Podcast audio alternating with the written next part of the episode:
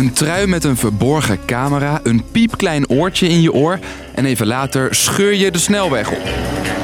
Nee, dit gaat niet over James Bond, maar over fraude bij theorie-examens voor je rijbewijs. Dit is niet gewoon spieken als vroeger op school met een briefje of wat op je hand geschreven. Steeds meer mensen komen op een oneerlijke manier aan hun rijbewijs en daar zijn zorgen over. Ook omdat het voor de zoveelste keer misgaat bij het CBR. Ik moet het halen, anders moet je zo lang wachten. Ik ben Dennis en ik leg je uit hoe dat zit.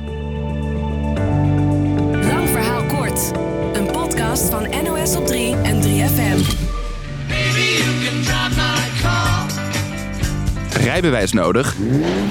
Dan begin je met rijlessen. Als we zo meteen eh, op het kruispunt zijn, gaan we naar rechts. Dat is veel oefenen, vaak met klamme handjes aan het stuur, totdat de instructeur vindt dat je klaar bent voor de examens. Oh my god, ik vind het echt mega spannend. Die doe je bij het Centraal Bureau Rijvaardigheid, het CBR. Eerst het theorie-examen over de verkeersregels. U wilt hier rechtdoor. Jij zit in de auto, hè? Moet u de uitstappende passagiers voor laten gaan? Die vragen zijn soms best tricky, maar online staan tipvideo's. Wat denk je zelf? Wil je ze doodrijden? Ben je lokkel? Tuurlijk moet je ze voor laten gaan. Oké, theoriediploma op zak, dan mag je praktijkexamen doen. Dat is een half uur lang de weg op met een CBR-beoordelaar. Gaat dat allemaal soepel en veilig? Stoeprandje hier. Sorry. Gefeliciteerd, je hebt je rijbewijs. En anders? Oké, ik ben dus gezakt.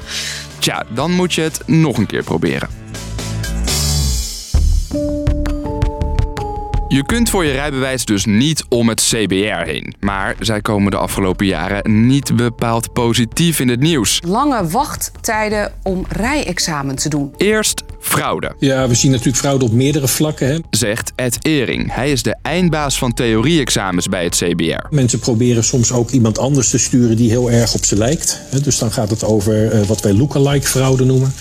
Mensen proberen soms ook met een vervalst ID-bewijs binnen te komen. En steeds meer mensen gaan volgens het CBR nog een stap verder. Zij verstoppen een camera in hun trui en doen een oortje in...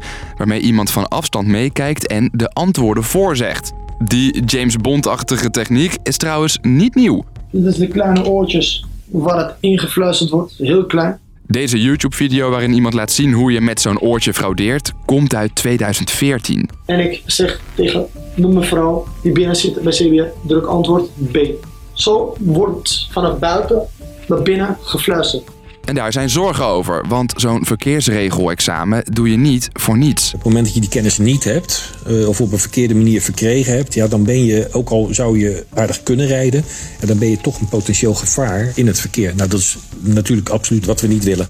Daarnaast is het vermoeden dat sommigen niet alleen frauderen om auto te kunnen rijden, maar ook omdat je een rijbewijs als ID-kaart kan gebruiken. Dus op het moment dat je bezit bent van dat rijbewijs, ja, eh, openen zich opeens een hoop deuren meer dan voor die tijd. Dan de wachttijden. Die waren in 2018 al te lang. En tijdens de coronacrisis moest je nog langer wachten op je examen. Die achterstand is nog steeds niet ingehaald, onder meer door personeelstekorten. Gemiddeld wacht je nu, Dik drie maanden van de aanvraag tot aan eh, mijn examen zelf. dat is meer dan twee keer zo lang als het CBR zelf oké vindt. Ja, het probleem is vooral dat ik het zelf moet betalen. En dat het daardoor ook heel erg duur wordt, omdat ik nu weer eh 10 lessen erbij moet gaan betalen. Hoe kunnen de problemen worden opgelost? Nou, eerst die 007-praktijken met die camera's en oortjes. Mensen die met zulke gadgets het CBR-gebouw binnenlopen, worden soms al wel opgepakt.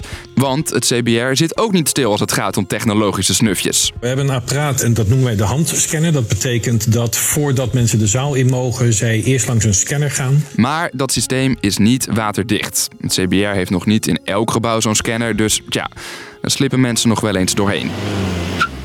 Het is volgens het CBR vooral belangrijk dat de politie de mensen oppakt die de cameratruien fixen. Omdat dit natuurlijk de mensen zijn die er grof geld aan verdienen en dit soort praktijken ook in stand houden. En dus moet de wet veranderen, vindt het CBR. En ook sommige politici trouwens.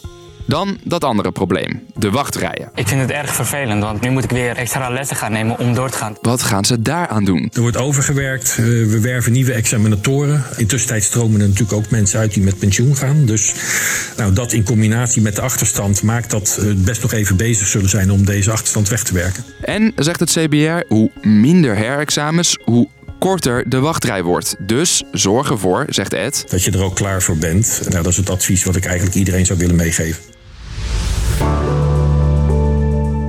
Lang verhaal kort. Steeds meer mensen frauderen met hun theorie-examen voor een rijbewijs. Het CBR maakt zich zorgen, want als je de verkeersregels niet goed kent, kun je een gevaar op de weg zijn. De fraude en lange wachtrijen bij het CBR spelen al langer, maar een oplossing is er niet zomaar. Nou, hier stopt de podcast van vandaag. Morgen racen we weer rond de klok van 5 je podcast app in met een nieuwe aflevering. Bedankt voor het luisteren. Doei!